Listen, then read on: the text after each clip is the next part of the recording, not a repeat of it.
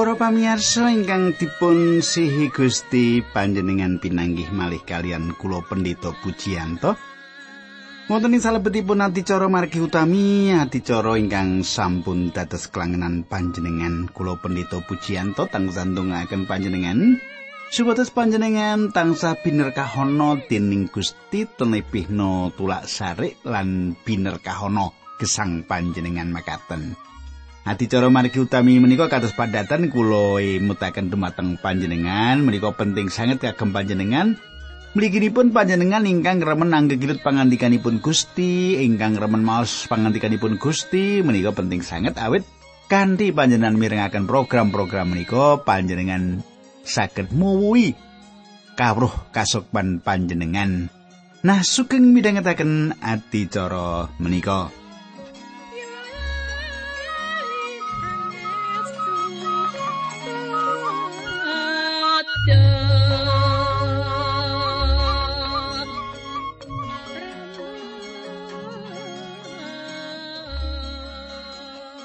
Para pamirsa menapa panjenengan tasih kemutan menapa ingkang kula aturaken ing kepengker menika nggih supaya panjenengan tasih kemutan kula badhe ngringkes sawetawis. Wonten ing pepanggihan kepengker kita sampun nyemak kados pundi patrap awon ingkang dipun tindakaken dening lare-larenipun jaler Imam Eli.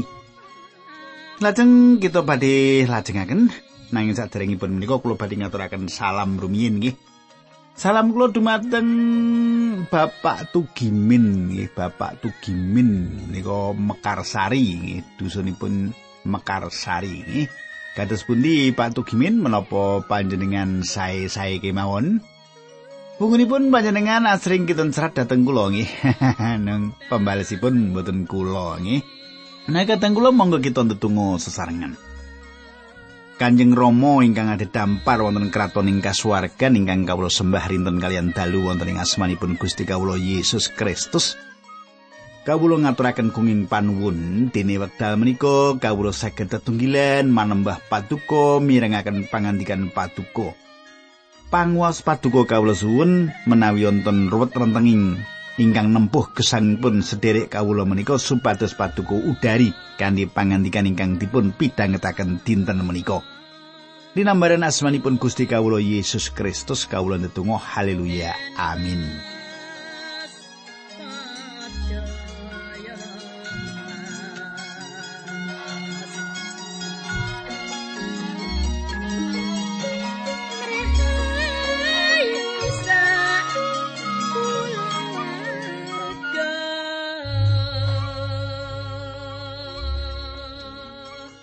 Para pamirsa ingkang kula tresnani, samenika pasinaon kita sampun ngancik setunggal Samuel bab 3. Sampun ngancik setunggal Samuel bab 3, kula badhe maosaken ayat setunggal wiwitanipun nggih menika makaten.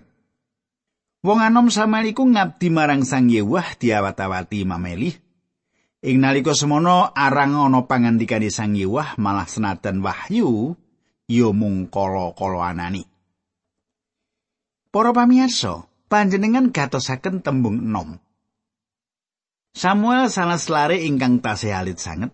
Samuel menika satunggalipun nem-neman lan piyambakipun ngladosi Gusti kanthi tuntunanipun Eli. Ayat menika meratelaken dumateng kita bilih pangandikanipun Gusti Arang. Menika ateges pangandikanipun Gusti Arang wonten. Gusti Allah meratelaken saliranipun ing wekdal menika Gusti Allah nembe kemawon makarya malih ing wekdal panjenenganipun nimbali Samuel dados nabi dados juru wicara dumateng lan kangge raja. Kula lajengaken ayat kalih lan tiga ing sawijining bengi Eli sing wis tuwa sarta meh wuta lagi turu ing kamari. Dini Samuel turu ing sacedhae peti perjanjian Allah ing kemah suci ing wayah bangun esuk lampune durung mati. Kula mandhekaken wonten mriki riyin nggih, para pamirsa kangge ngrimat lampu ing kemah suci menika inggih menika kewajibanipun para imam. Kangge ngrimat lampu ing kemah suci menika kewajibanipun para imam. Para imam menika ketah ngiseni lisah lan jagi lampu menika tetep gesang. Eli sampun sepuh paninganipun sampun kabur.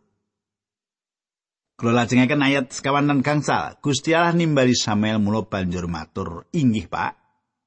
Dewi banjur mlayu nemoni Eli lan matur, "Bapak nimbali?"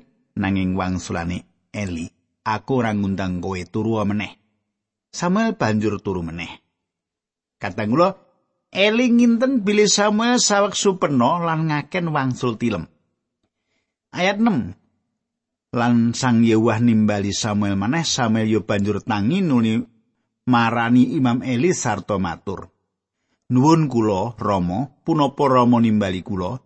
Nanging Imam Eli ngendika, "Aku ora ngundang anakku baliyo turu maneh."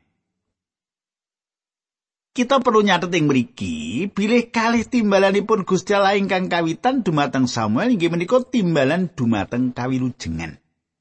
Ayat pitu. Samuel durung wanuh karo Sang Yehuwah pangandikane Sang Yewah durung tau kawedar marang Samuel. Para pamirsa, Samuel mboten wanuh Gusti. Gusti Allah sawek nimbali piyambakipun dumateng kawilujengan. Ing umur pinten tiang sampun kaanggep saged tanggal jawab. Pinten kemawon umuripun Samuel, Samuel sampun saged dipun momoti tanggung jawab lan Gusti Allah samenika badhe adamel Samuel gadah tanggal jawab. Wonten ing kitab pangandaring Torat tiang jaler mboten kenging perang saderengipun tiang menika umuripun kalih dosa taun. Tiang Lewi dereng saged ngladosi saderengipun umur selangkung taun lan para imam wiwit ngladosi ing umur tigang dosa taun. Kula mboten mangertos kanthi pas pinten umuripun Samuel nanging kita kedah yakin bilih piyambakipun menika sanes lare malih. Menapa umur kalih dosa taun saged dipun anggap saged tanggal jawab? Kula mboten mangertos. Nanging kula pitados kanthi gemblenging manah kula. Bilih wonten wekdalipun tiang dipun milujengaken. Kula mboten pitados bilih panjenengan saged nindakaken dosa ingkang mboten saged dipun apunten.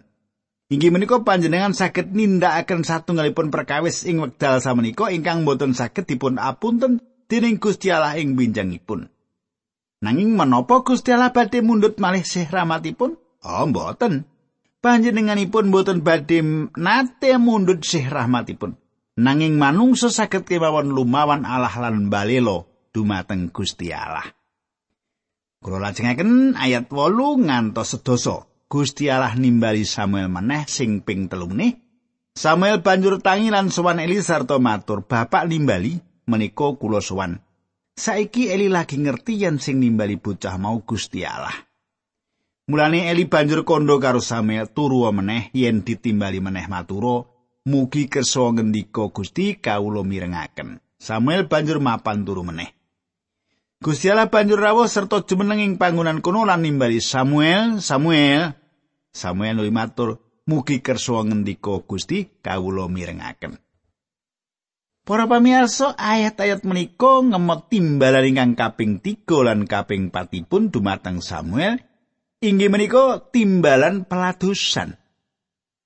Ayat 11 ngantos 12. Gusti Allah banjur ngendika marang Samuel, "Aku bakal nindakake perkara sing gegirisi tumrap wong Israel nganti bengungung ing kupinge sapa wae sing krungu. Ing dina kuwi aku bakal nindakake ancaman-ancamanku kabeh marang Braya Eli sing kawitan nganti tekan sing pungkasan." Para pamirsa, ing wekdal Gusti Allah ngandikan ing satunggalipun perkawis. Perkawis menika sami kalian sampun dipun tindakaken. Wonten ing perjanjian lami, kita manggihaken menapa ingkang senebat jaman pameco. Pameco menika dipun pratelakaken ing jaman kepengker nanging badhe lumampah ing mangsa tembi. Gusti Allah ngendika perkawis-perkawis ingkang badhe dumados nanging kados-kados perkawis menika sampun dumados. Ing wekdal Gusti Allah ngendika bilih satunggalipun perkawis badhe dumados, perkawis menika tentu badhe dumados.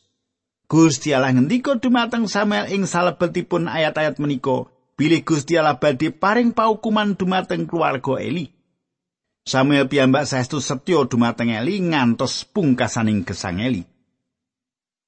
Samuel mboten budidaya ngringkehaken Eli. Piyambakipun sowan dumateng Eli lan nyariosaken samukawis ingkang dipun ngendikaken Gusti Allah dumateng piyambakipun. bab 3 ayat 21 lan sebanjure Sang Yewah ngetingali marang Samuel ana ing Silo srana pangandikani. Kadang kula kados pundi Gusti Allah meratelaken sarianipun lumantar pangandikanipun. Ing jaman samenika Gusti Allah ugi meratelaken sariranipun lumantar pangandikanipun. Panjenenganipun maringi pepadang lumantar sang rohipun ing salebetipun kaca-kaca kitab suci. Inggih menika jalaranipun kados pundi kula lan panjenengan saged tepang kalian panjenenganipun. Lan kanthi tepang kalian panjenenganipun kita nampeni gesang langgeng. Kita lumebet ing setunggal Samuel bab papat nggih wah wis cepet tekan setunggal Samuel bab papat makaten surasipun ayat siji loro telu. Ing wektu kuwi wong Filistin nglumpukake prajurite kabeh kanggo ngempur Israel Mulane prajurit Israel padha maju ing peperangan padha gawe kemah ing sacedhake Ebenezer dene prajurit Filistin kemah ing Afek. Prajurit Filistin wiwit nyerang lan wusanane prajurit Israel kalah. Kira-kira ana wong patang ewu sing tiwas sing peperangan mau. Nalika para prajurit sing padha slamet wis bali ing kemahe, para pemimpin ing Israel muni, "Yo gene Gusti Allah marengake kita kalah karo wong Filistin ing dina iki." Ayo kita padha njupuk peti perjanjian Allah saka ing silo digawa mrene supaya Gusti Allah kersa nunggil karo kita sarta nyelametake kita saka tanganing mungsuh. Para pamirsa. Perangan kitab suci menika maringi kita satunggalipun pratela gegayutan patrap tiang Israel. Kados pundi tiang Israel menika tebih sanget kalian Gusti Allah. Kahanan menika ngetingalaken dumateng kita kados menapa bangsa menika mentingaken badan piyambak lan ngatingalaken patrap kumingsunipun. Bangsa menika tanpa madosi pitedhahipun Gusti Allah lajeng perang lumawan bangsa Filistin. Menapa ingkang dumados? Bangsa Israel dikawonaken dening bangsa Filistin. Kanthi mangertos sejarah peti perjanjian Allah menika bangsa Israel beto peti perjanjian Allah menika ing peperangan. Bangsa menika gadah pikiran menawi beto peti perjanjian Allah menika pramila anggenipun perang badhe mimpang sejatosipun kadang kula Panguwas menika mboten wonten ing salebetipun peti perjanjianipun Allah menika. Awit Gusti Allah mboten manunggal wonten ing peti perjanjianipun Allah menika. Panjenengan mboten saged nyimpen Gusti Allah wonten ing peti perjanjian Allah. Panguwas menika namung wonten ing karawuhanipun lan pribadinipun Allah kasiling gesang. Dipun temtokaken dening menapa kita manunggal kalian panjenenganipun menapa mboten? Inggih menika ingkang penting piyambak. Nah kados pundi panjenengan? Apa panjenengan manunggal karo Gusti Allah? Apa ora niki nggih? Anu kok Pak? Kula niku sregep teng gereja lho. Pitakon kula mboten ngoten nggih. Menapa panjenengan menika manunggal kalian Gusti Allah? Menapa mboten? Anu kok Pak? Kula niku ya wis dadi majelis barang.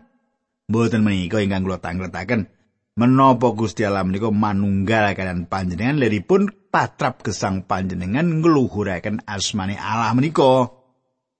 Kula lajengaken ayat sekawan lan gangsa. Wong-wong mau banjur kongkonan wong manyang silo perlu njupuk peti perjanjian damparing Allah kang maha kuwasa. Anake eli loro pisan ya kuwi Hopni lan Pinehas padha ngiring peti perjanjian mau. Sawise peti perjalanan mau tekaning kemahe wong-wong Israel padha surak-surak banter banget nganti ngeterake bumi. Para pamirsa. Israel badhe perang. Tiang-tiang Israel kisah datang silo mendet peti perjanjianipun Allah. Awit Hopni lan Pinehas menika kasebat para juru khotbah bayaran, tiang kali menika nindakaken menapa ingkang dipun perintahaken. E wedal peti perjanjianipun dipun beto dhateng kemah sedaya tiang Israel kempal. Bangsa menika gadah pikiran bilih piyambakipun badhe gadah panguwas ingkang ngedapi-dapi nanging sejatosipun boten wonten napa-napanipun kajawi patrap manembah braholo. Saking lelampahan menika kita saged sinau supados ngatos-atos sing salebetipun nindakaken upacara lan tata cara pangibadah ing gereja kita. Menapa kita manembah gereja? Menapa kita manembah tiang? Menapa kita manembah cara-cara ibadah? Menapa kita manembah dumateng papan miki? Utawi menapa kita saestu-estu manembah Gusti Allah ingkang yektos lan gesang ing wekdal menika? Panjenengan kados pundi? Ayat 6 pitu wolu bab papat siji Samuel. Wong-wong Filistin ya krungu suarane wong surak-surak mau banjur padha takon, "Yo gene, wong-wong Ibrani padha surak-surak." Nanging bareng padha ngerti yen peti perjanjiane wis tekan ing kemahe wong Ibrani, banjur padha wedi sarta ngucap ana dewa teka ing kemahe wong-wong kuwi. Kita bakal cilaka kita durung tau ngalami kaya ngene iki. Cilaka tenan. Sopo sing bisa nyelametake kita saka dewa sing ampuh kuwi? Tak yo dewa kuwi sing wis mateni wong Mesir ing pesamuan biyen. Para pamirsa tiang Filistin mangertos bilih peti perjanjian Allah sampun dumugi ing kemahipun tiang Israel. Tiang-tiang Filistin dados ajrian tiang-tiang Filistin sami sanjang Allah wis teka ing kemah kuwi. Kangginipun bangsa Filistin peti perjanjian Allah menika satunggalipun reca brahala. Sinaosa tiang-tiang Filistin menika sampun mireng kekayutan kados pundi anginipun gegirisi pangwasipun Gusti Allah. Nanging tiang-tiang Filistin menika dereng tepang Gusti Allah ingkang gesang lan nyektos. Tiang Filistin lan Israel perang, lan tiang Israel nemai kawon. Tiang Israel kata korbanipun peti perjanjian Allah dipun rebut, lan lari-lari pun Eli pecah. Hopni lan Pinehas pecah. Ayat 13 ngantos 13. Ing dina kuwi ana wong Benyamin siji keplayu saka peperangan menyang Silo. Minangka tandha bila sungkawa sandangane disuwek-suwek lan embun-embunane diwuwuri lebu. Elip sing tansah kuatir bab keselamatane peti perjanjian linggih kursi ing pinggir dalan. Nalika wong mau nggawa kabar bab kalahe wong-wong Israel, wong sakutha kabeh padha sesambat kanthi swara. Kadang kula eling rumaosi sedaya kalepatanipun. Piyambakipun menika Imam Agung ngalah lan eling ngraosaken kaprihatosan ageng gegayutan kalian menapa ingkang wonten sambung rapatipun kalian Gusti Allah. Kita lajengaken maos ayat 14 ngantos 16. Eli krungu banjur takon sing diributake apa to? Wong mau banjur mlayani Eli ngaturake apa sing wis kelakon.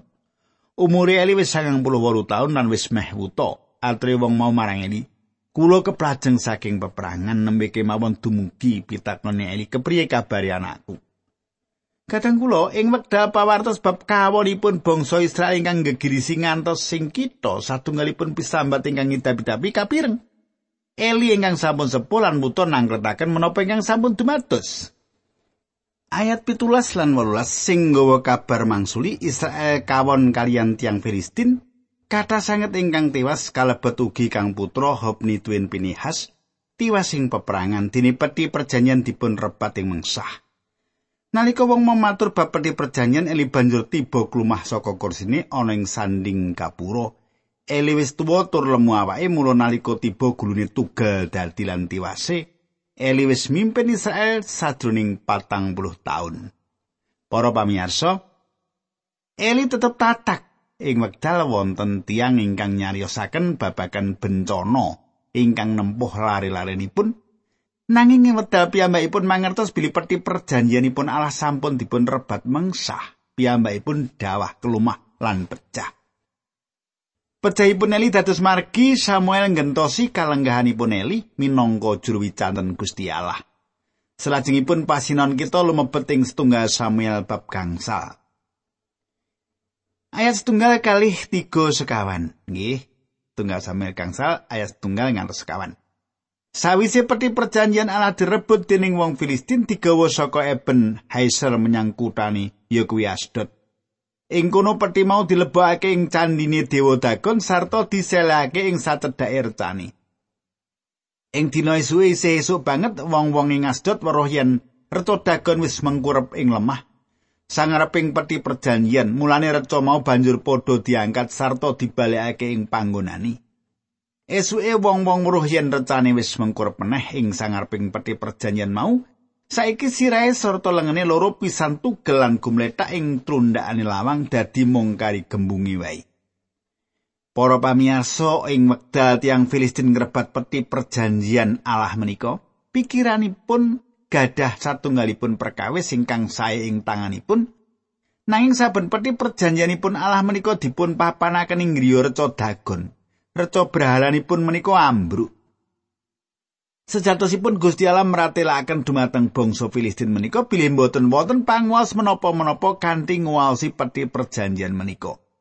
Sejatosipun kanthi wontenipun peti perjanjian Allah menika malah ndatengaken bebaya ingkang nyata tumrap tiang-tiang Filistin menika.